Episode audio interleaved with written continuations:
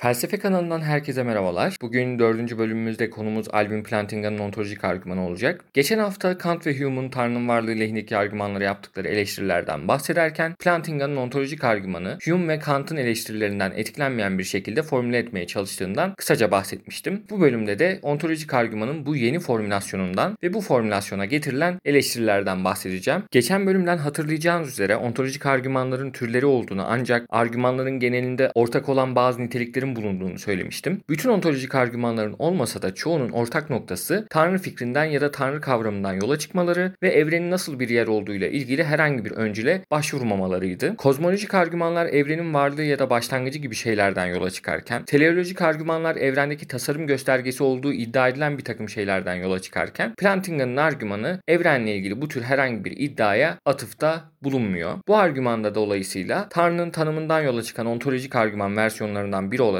görülebilir. Plantingan'ın versiyonu sadece Tanrı'nın tanımını analiz ederek Tanrı'nın varlığına ulaşmasa da evrendeki hiçbir olguya başvurmadan Tanrı inancının rasyonel olduğunu gösterebileceğini iddia eden bir argüman. Ve bu nokta bence çok önemli. Çünkü bazen Plantingan'ın Tanrı'nın bir kanıtını ya da ispatını sunmaya çalıştığı düşünülebiliyor. Ancak Plantingan'ın kendisi de argümanın Tanrı'nın varlığı lehinde başarılı bir argüman gibi kullanılmasını istemiyor. Bu argümanın sadece Tanrı inancının rasyonel olabileceğini gösterdiğini, çünkü argümanın kilit öncülü olan Tanrı'nın var olmasının mümkün olduğu şeklindeki öncülün teistler tarafından kabul edilebilir bir öncül olduğunu iddia ediyor Plantinga. Ya da en azından argümanı ilk öne sürdüğü zamanlar bunu iddia ediyordu. Plantinga artık argümanın teizmin rasyonel olabileceğini gösterdiğinden bile şüphe ettiğini söylüyor en son açıklamalarında. Yani argümanı öne süren kişi olan Plantinga bu alçak gönüllü amaç açısından bile argümanın başarılı olduğunu düşünmüyor gibi görünüyor artık. Yine de argümanın ilk öne sürüldüğü zamanki amacının Tanrı'nın var olduğunu göstermek olmadığını bilmemizde yarar olduğunu düşünüyorum. Plantinga her ne kadar çok daha alçak gönüllü bir amacın dahi argüman tarafından gerçekleştirilemeyeceğini düşünse de ve ben bu şekilde düşündüğümüz zaman argümana yapılan eleştirilerin büyük bir bölümünün başarısız olduğunu düşünüyorum. Ama ben bu bölümde Plantinga'nın argümanını Tanrı'nın varlığı lehinde pozitif bir kanıt olarak sunmaya çalışan, argümanın mümkünlük öncülünü savunan bir takım girişimlerden bahsetmek istiyorum özellikle. Bölümdeki tartışmamda büyük oranda bu stratejilerin eleştirilmesine odaklanacak. Plantingan'ın argümanını anlamak için mümkün dünya kavramıyla işe başlamak gerekiyor. Mümkün dünyalar özetle evrenin bir bütün olarak alabileceği halleri ifade eden şeyler. Mesela benim ABD başkanı olmam mümkünse bunu benim ABD başkanı olduğum bir mümkün dünya vardır şeklinde ifade ederim. Benim felsefeye değil de edebiyata ilgi duymam mümkünse bunu benim felsefe yerine edebiyatla ilgilendiğim bir mümkün dünya vardır diyerek ifade ederim. Burada mümkün dünyaların ontolojik statüsü hakkında ne düşündüğümüz ama argüman açısından önemli taşımıyor. Dilerseniz David Lewis gibi bütün mümkün dünyaların bizim evrenimiz gibi evrenler olduklarını ve gerçekten var olduklarını düşünen bir model realist olun. Dilerseniz Plantinga gibi mümkün dünyaların soyut nesneler olduklarını söyleyin. Ya da dilerseniz mümkün dünyaların kullanışlı kurgular olduklarını ve gerçekte var olmadıklarını söyleyin. Modalitenin metafiziği hakkında ne düşündüğünüz bu argüman açısından önem taşımıyor. Şimdi o halde bir varlığın sahip olabileceği ya da bir doğrunun sahip olabileceği üç tür model statüden bahsedebiliriz. Bir şey olumsal, zorunlu ya da imkansız olabiliyor. Bu üç model statüden birine sahip olabiliyor. Bu farklı model statüleri mümkün dünyalar semantiğinde şöyle ifade edebiliriz. Bir şeyin olumsal olması onun gerçek olduğu ve olmadığı en az birer mümkün dünya vardır şeklinde. Bir şeyin zorunlu olması onun bütün mümkün dünyalarda gerçek olduğu şeklinde. Bir şeyin imkansız olması ise o şeyin hiçbir mümkün dünyada gerçek olmadığı şeklinde mümkün dünyalar semantiği çerçevesinde ifade edilebilir. Plantinga ontolojik argümanı burada bahsettiğim mümkün dünyalar semantiğini kullanarak ortaya koyabileceğini düşünüyor. Bu yeni versiyonun ontolojik argümana Kant ve Hume tarafından yapılan klasik eleştirilere muhatap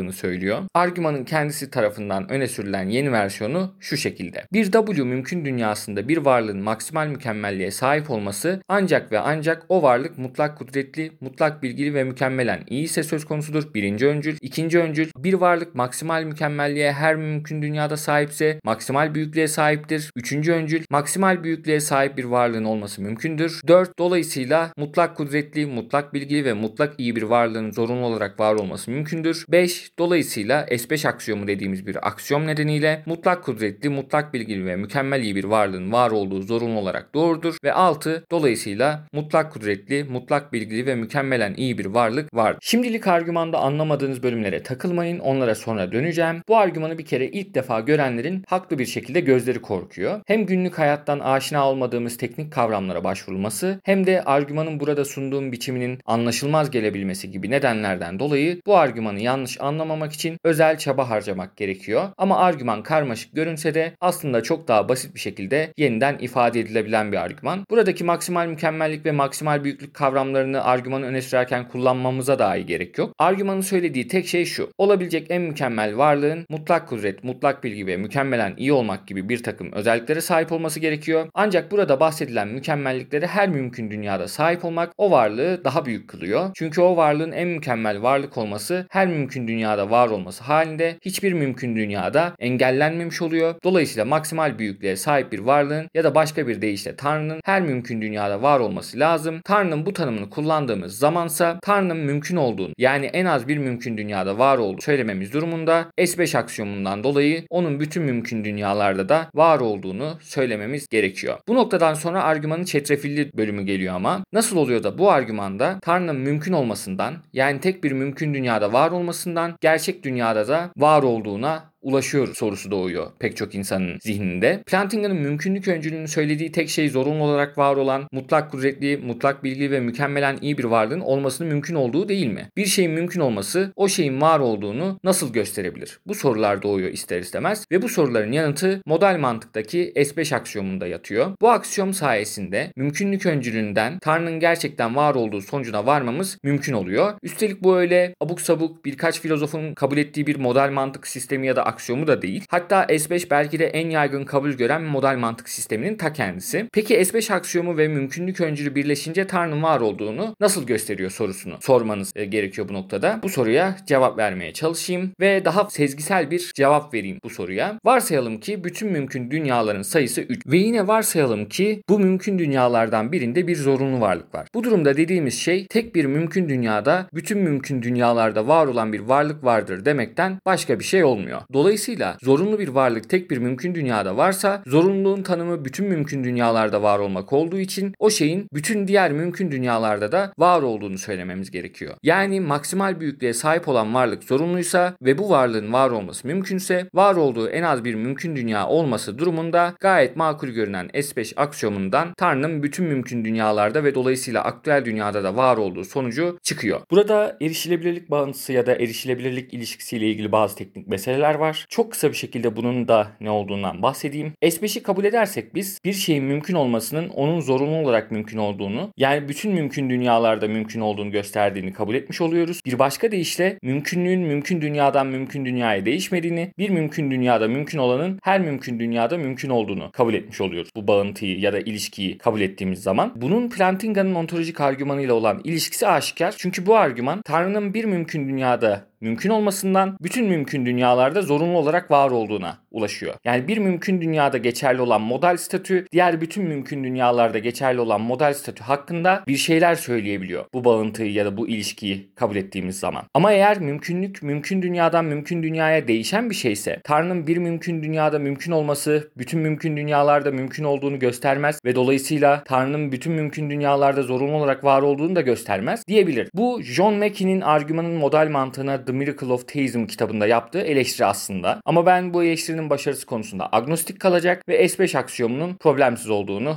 kabul edeceğim. Peki argümana nasıl itirazlar getirilebilir? Yani bu model mantıkla ilgili teknik meseleler dışında nasıl itirazlar getirilebilir? Daha güçlü olduklarını düşündüğüm itirazlara gelmeden önce argümanın model mantığına yapılan itirazlarla genel olarak ilgilenmeyeceğimi söylemek istiyorum ve neden ilgilenmeyeceğimi söylemek istiyorum. Ateist din felsefecileri Michael Martin ve az önce bahsettiğim John Mackey'nin yanı sıra Nathan Salmon gibi ünlü bilim felsefecileri tarafından da argümanın dayandığı S5 model mantık sistemine getirilen ciddi itirazlar olsa da ben 3 nedenden dolayı bu itirazlara değinmemeye çalışacağım. İlk olarak model mantık sistemlerinin iyi ve kötü tarafları hakkında hakkıyla konuşabilecek kadar model mantığa hakim olmadığım için bunlar hakkında konuşmak istemiyorum. İkincisi S5 oldukça yaygın kullanılan bir model mantık sistemi olduğu için ontolojik argümanın eleştirisinin de S5'in reddine dayanmasını istemiyorum. Yani bizim model mantık konusunda ana akım olan görüşlerden çok saptırması gerektiğini ontolojik argümanın eleştirisinin düşünmüyorum. Ya da en azından bunu yaparsak bunun iyi bir strateji olmayacağını düşünüyorum. Eğer biz bu argümanın S5'i kabul etmemize rağmen başarısız olduğunu gösterebilirsek S5'i reddetmeye kıyasla çok daha tatmin edici bir çürütme imkanına sahip oluyoruz bence. O nedenle S5'i reddetmeden çürütme çabasına girişmek daha iyi bence. Daha üretken bir strateji strateji ve üçüncüsü ki bence en önemlisi model ontolojik argümanın S5 dışındaki mantık sistemleri kullanılarak da formüle edilebileceğini yani daha zayıf, daha mütevazı model mantık sistemlerinde de bu argümanın işleyebildiğini öğrendim. Ontolojik argüman hakkında uzman olan filozoflar Ben Arbour ve Graham Oppy'nin Plantingan'ın ontolojik argümanı hakkında yaptıkları tartışmada. E, bu nedenle S5 ile ilgili teknik detayların argümana önemli bir olumsuz etki yapamayacağına ikna olmuş durumdayım. Onların söylediklerine inandığım için. Dolayısıyla S5 aksiyomunun eleştirilmesinin argümanı eleştirmenin iyi bir yolu olmadığını düşünüyorum. Her ne kadar Plantingan'ın ontolojik argümanı açıktan S5 aksiyomuna başvursa da. O halde argümanı eleştireceksek dayandığı model mantık sistemine değil, öncüllerine bakmak daha sağlıklı olacak. Argümanın eleştiriye en açık öncülü ve belki de eleştiriye açık olan tek öncülü dolayısıyla bence maksimal büyüklüğün yani Tanrı'nın var olmasının mümkün olduğu öncülü. Diğer öncüller genelde tanımdan ibaret oldukları için maksimal büyüklük, maksimal mükemmellik gibi kavramların tanımlarından ibaret oldukları için ya da genel olarak makul göründüklerinden dolayı onların eleştirilmesini gerekli görmüyorum. Ben mümkünlük öncülüne odaklanacağım bu podcast bölümünde. Eğer argümanın eleştiriye açık olduğunu düşündüğüm tek öncülü Tanrı'nın mümkün olduğu şeklindeki öncülse argümanın eleştirmenlerinin durumu oldukça kötü görünüyor ilk bakışta. Çünkü argümanın mümkünlük öncülüne itiraz etmek ilk bakışta oldukça güç. Bir şeyin var olduğunu söylemektense zira sadece var olmasının mümkün olduğunu söylediğimizde ilkine kıyasla çok daha alçak gönüllü bir iddiada bulunmuş oluyoruz. Öte yandan bir şeyin imkansız olduğunu söylediğimizde mümkün olduğunu söylemeye kıyasla çok daha iddialı bir şey söylemiş oluyoruz. Ama bir iddia ne kadar alçak gönüllüyse onu eleştirmek de o kadar zor olduğu için mümkünlük öncülünü kabul edenlerin reddedenlere kıyasla avantajlı olduğunu söylememiz gerekmiyor mu sorusu ortaya çıkıyor bu noktada. Bu noktayı şu şekilde örnekleyebiliriz. Diyelim ki bir şeyin mümkün olup olmadığını tartışıyoruz. Ben o şeyin mümkün olduğunu söylerken sizse imkansız olduğunu söylüyorsunuz. Ama imkansızlık iddiası mümkünsüzlük iddiasına göre daha katı bir iddia. Dolayısıyla bir şeyin mümkün olduğu yönündeki iddiaların aksi kanıtlanana kadar masum olduklarını yani aksi yönde bir gerekçemiz olmadığı sürece mümkünlük iddialarının doğru kabul edilmeleri gerektiğini söyleyemez. İşte bu epistemik alçak gönüllülük iddiası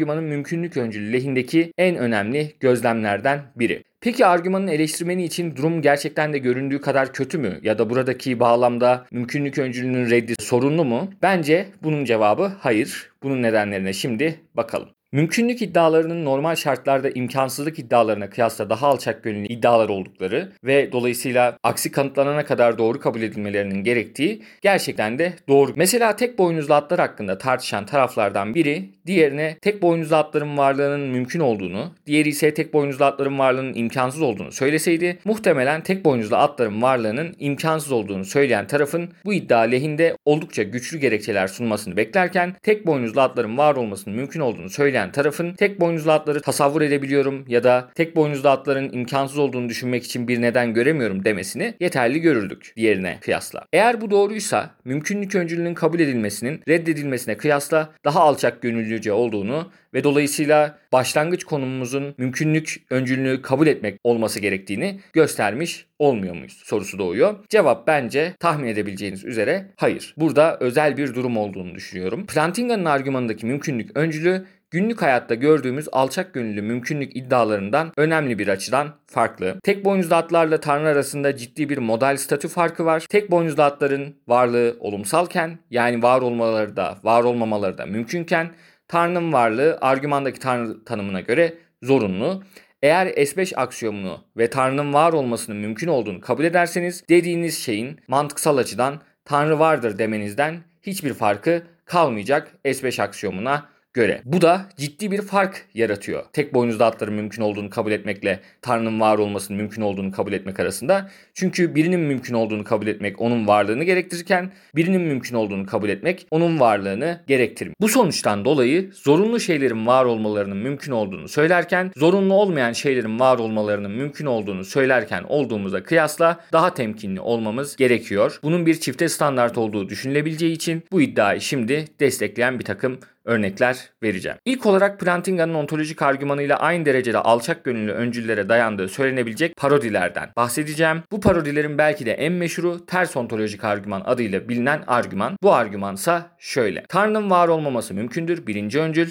İkinci öncül, Tanrı'nın var olmaması mümkünse Tanrı bazı mümkün dünyalarda yoktur. Üçüncü öncül, Tanrı'nın var olmadığı bazı mümkün dünyalar varsa Tanrı mümkün dünyaların hiçbirinde yoktur. Dördüncü öncül, Tanrı mümkün dünyaların hiçbirinde yoksa aktüel dünyada da yoktur. Ve son olarak sonuç, Tanrı aktüel dünyada yoksa Tanrı yok. E, Plantinga'nın ontolojik argümanının savunucusunun ters ontolojik argümana yapabileceği çeşitli itirazlardan bahsedeceğim şimdi. İlk itiraz ters ontolojik argümanın da en az Plantinga'nın ontolojik argümanı kadar güçlü olduğunu kabul ediyor. Ama bu eleştirinin yine de Plantinga'nın ontolojik argümanının ana öncülünün rasyonel bir şekilde kabul edilebilir olmasını engellemediğini söyleyebilirsin ilk eleştiride. Bu durumda Plantinga amacına ulaşmış olur. Çünkü Plantinga'nın amacı ateistlerin irrasyonel olduğunu göstermek değil en azından bu argümanda değil. Teistlerin rasyonel olabileceklerini göstermek. Teistlerin rasyonel bir şekilde mümkünlük öncüllerini kabul edebilmeleri Plantinga açısından yeterince iyi olduğundan ontolojik argümanda bu durumda başarıya ulaşıyor. Ama podcast'in başında da belirttiğim gibi benim esas merak ettiğim teistik mümkünlük öncülünün ters ontolojik argümanın mümkünlük öncülüne göre daha makul olduğunun gösterilip gösterilemeyeceğiydi. O yüzden teistik mümkünlük öncülünün daha makul olduğunu göstermeyi amaçlayan stratejileri detaylı bir şekilde incelemeye çalışacağım bu bölümde. Ters ontolojik argümana yapılan eleştirilerden ilki olumlu ya da pozitif varlık iddialarının doğruluklarının mümkün olduğunu söylememizin, olumsuz varlık iddialarının doğru olmalarının mümkün olduğunu söylemeye kıyasla daha makul olduğunu iddia ediyor. Neden negatif varlık iddiaları yani şunun olmaması mümkündür türü varlık iddiaları ile ilgili mümkünlük önermeleri söz konusu olduğunda mümkünlük öncülünün daha az mütevazı olduğunu iddia etmemiz gerektiği konusunda bu iddiayı savunan kişi Ben Arbor ve ben onun söylediklerinden pek bir şey çıkaramadım açıkçası bu konuda söylediklerinden dolayı. Yani negatif varlık iddialarının pozitif varlık iddialarına göre daha dezavantajlı olduğu yönündeki iddiasını ben açıkçası anlayamadım. Pek fazla argüman öne sürmüyor onu savunurken. Ama ben en azından onun bu konudaki argümanını doğru kabul ederek ters ontolojik argümana benzer bir takım argümanları kurtarıp kurtaramayacağımıza bakacağım.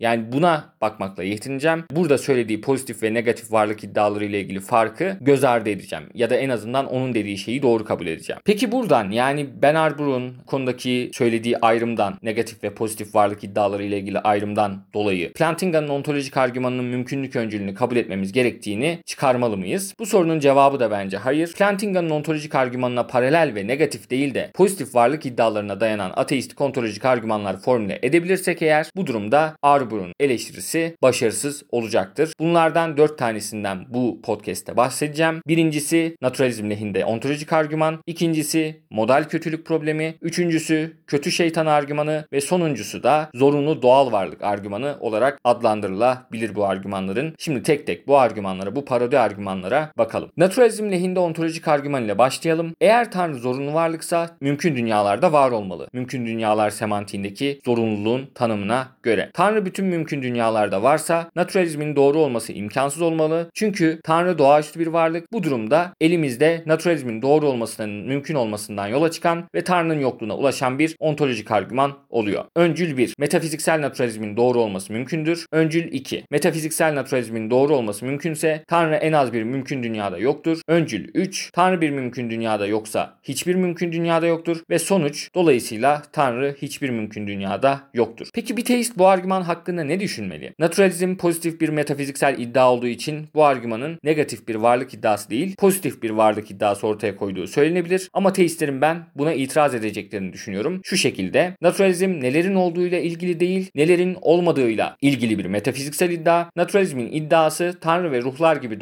doğaüstü varlıkların olmadığı ve doğal gerçekliğin yegane nedensel gerçeklik olduğu. O zaman naturalizm aslında pozitif bir varlık iddiası değil de negatif bir varlık iddiası olarak karakterize edilmeli. Çünkü bize nelerin var olduğundan ziyade nelerin var olmadığını söyleyen bir iddia bu. Bu nedenle pozitif varlık iddialarını içeren mümkünlük iddialarının negatif varlık iddialarını içeren mümkünlük iddialarından daha makul olduklarını kabul ediyorsak naturalizm lehinde ontolojik argümanın tanrı lehindeki versiyondan daha başarısız olduğunu söylememiz gerekiyor. Bu güçlüğü gidermek için ikinci parodi argüman olan modal kötülük problemine bakalım. Bu argüman şu şekilde. Birinci öncül gereksiz kötülüğün olduğu en az bir mümkün dünya vardır. İkinci öncül bir mümkün dünyada gereksiz kötülük varsa o mümkün dünyada tanrı yoktur. Üçüncü öncül bir mümkün dünyada tanrı yoksa tanrı hiçbir mümkün dünyada yoktur. Sonuç dolayısıyla tanrı yok. Bu argüman naturalizm lehinde ontolojik argümanın aksine gerçekten de pozitif bir varlık iddiasıyla ilgiliymiş gibi görünüyor. Dolayısıyla Arbor'un stratejisini savunmak isteyen birinin aksi yönde güçlü bir gerekçemiz olmadığı sürece model kötülük probleminin mümkünlük öncülünü kabul etmesi gerektiğini söylememiz gerekiyor gibi görünüyor. Model kötülük problemi hakkındaki tartışma çok detaylı ama ben burada yapılabilecek iki itiraz tipinden bahsetmekle yetineceğim. Ee, ilk itiraz tipi gereksiz kötülüğün Tanrı'nın var olmamasını gerektirmediğini iddia ediyor. Yani bir mümkün dünyada gereksiz kötülük varsa o mümkün dünyada Tanrı yoktur şeklindeki öncülü reddediyor. Gereksiz kötülüğün teizmin tanrısıyla uyumluluğu tartışmasına burada değinmek istemediğim için bu itirazı geçiyorum.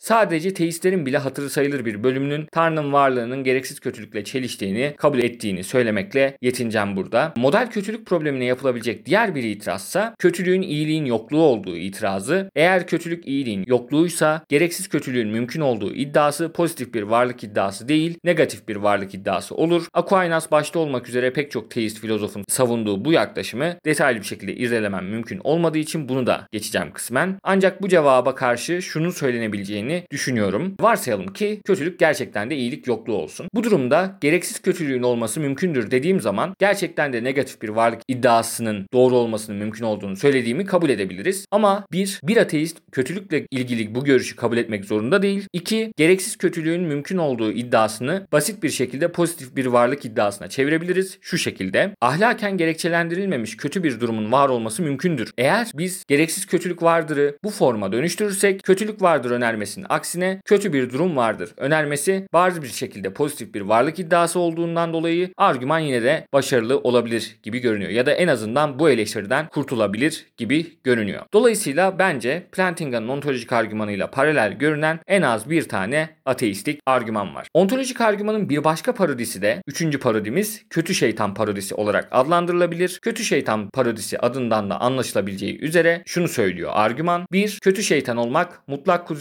mutlak bilgi ve mutlak kötülük sahibi olmak demektir. 2. Maksimal kötü şeytan olmak için kötü şeytanın bütün mümkün dünyalarda kötü şeytan olması gerekir. 3. Maksimal kötü şeytan olmak mümkündür ve sonuç dolayısıyla maksimal kötü şeytan vardır. Eğer maksimal kötü şeytanın olduğu bir mümkün dünya varsa o mümkün dünyada Tanrı'nın olmadığını neden düşünelim sorusunu sorabilirsiniz. Çünkü dinlerdeki şeytanın belki de bu şeytanla özdeş olduğunu söyleyebilirsiniz. Ama bence bu iyi bir itiraz değil. Bunu düşünmek için en ciddi nedenin şu olduğunu düşünüyorum. Bu varlığın isteklerinin Tanrı'nın istekleriyle çelişmesi durumunda aynı mümkün dünyada istekleri birbiriyle çelişen iki mutlak kudretli varlık varsa kimin isteklerinin gerçekleşeceği konusunda bir çelişki oluşuyor. Birinin istediğine mesela diğeri karşı çıkarsa ne olacak? Olacak? Atıyorum Tanrı'nın istediği şeye kötü şeytan karşı çıkarsa ne olacak? Bu paradoksal göründüğü için aynı mümkün dünyada istekleri birbirleriyle çelişen birden fazla mutlak kudretli varlık olamaz dememiz gerekiyor gibi geliyor bana. Çünkü kötü şeytan ve Tanrı aynı mümkün dünyada olsaydı ya içlerinden birinin ya da her ikisinin birden kudreti sınırlanırdı. Mutlak kudret sahibi olmak kudretinizin başka bir varlık tarafından sınırlanmasıyla çeliştiği için de bu çelişkili olurdu gibi görünüyor. Dolayısıyla bu iki varlık aynı mümkün dünyada var olamaz gibi görünüyor ve kötü şeytan varsa Tanrı da var olamaz dememiz makul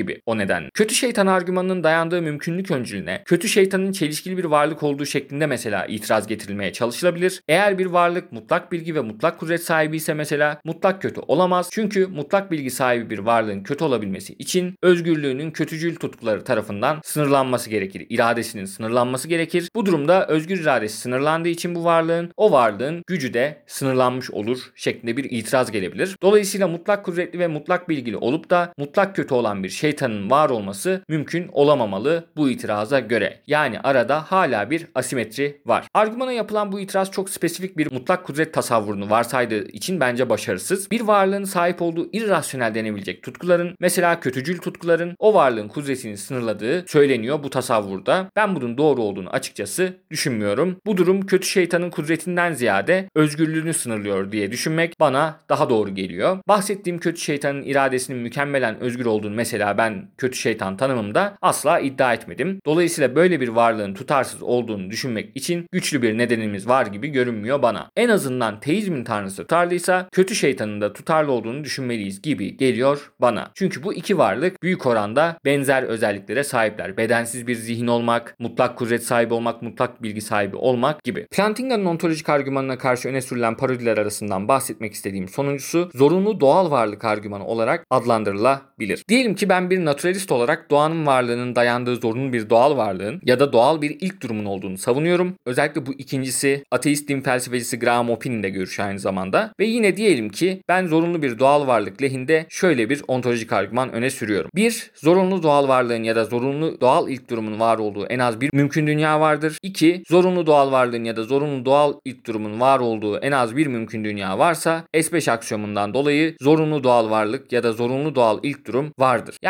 burada zorunlu doğal varlık ya da zorunlu doğal ilk durum lehinde bir ontolojik argüman öne sürebiliyoruz. Çoğu teist bu argümanın ilk öncülünü eleştirerek zorunlu doğal varlık ya da zorunlu doğal ilk durum diye bir şeyin imkansız olduğunu söylemek isteyecektir. Ama bu tür bir şeyin zorunluluğuna karşı yapılabilecek itirazların hemen hemen tamamı Tanrı'nın zorunlu varlık olmasına karşı da yapılabilen itirazlar. Mesela zorunlu doğal varlığın var olmadığını tasavvur edebilmemizden hareketle var olmamasının mümkün olduğunu söyleyebilirsek Tanrı'nın var olmadığını tasavvur edebildiğimizi de söyleyebiliriz aynı şekilde. Zorunlu doğal varlığın ya da durumun var olması negatif değil de pozitif bir varlık iddiası bariz bir şekilde aynı zamanda. Bu nedenle ortada Tanrı'nın varlığı iddiasının pozitif bir varlık iddiası olmasından kaynaklanan bir avantaj da kalmıyor. Son olarak doğal olan her şeyin tanım gereği olumsal olması gerektiği ama Tanrı'nın tanım gereği olumsal olamayacağı gibi bir cevap vermeye çalışırsak bu cevabın dediğim alternatifi savunanlara karşı döngüsel olacağı da bariz. Dolayısıyla bu parodinin mümkünlük öncülü teistik mümkünlük öncülünden daha güçsüz görünmüyor bana. En azından bu parodinin mümkünlük öncülüne karşı başarısız bir argüman öne sürülmediği sürece ben bu mümkünlük öncülünde en az teistik mümkünlük öncülü kadar güçlü görüyorum. Mümkünlük öncülü lehinde bir diğer argüman erdem epistemolojisinden yola çıkıyor. Erdem epistemolojistleri bilmenin çeşitli epistemik erdemlere sahip olup onları kullanmak suretiyle edinilen bir şey olduğunu iddia ediyorlar. En önemli epistemik erdemlerden biri de açık fikirli olmak. Açık fikirli olmazsanız bir şeyleri bilme imkanınız büyük oranda azalır. Açık fikirlilik epistemik erdemi de bu argümana göre tanrı tartışmalarına girerken onun varlığının imkansız olmadığını kabul etmemizi gerektirir. Eğer bir ateist tanrı tartışmalarına tanrının varlığı imkansızdır iddiasını baştan kabul ederek giriyorsa açık fikirlilik erdemine sahip değildir. Dolayısıyla epistemik açıdan erdemli olmamız ancak aksi yönde gerekçemiz olmadığı müddetçe tanrının var olmasının mümkün olduğunu kabul etmemizle mümkün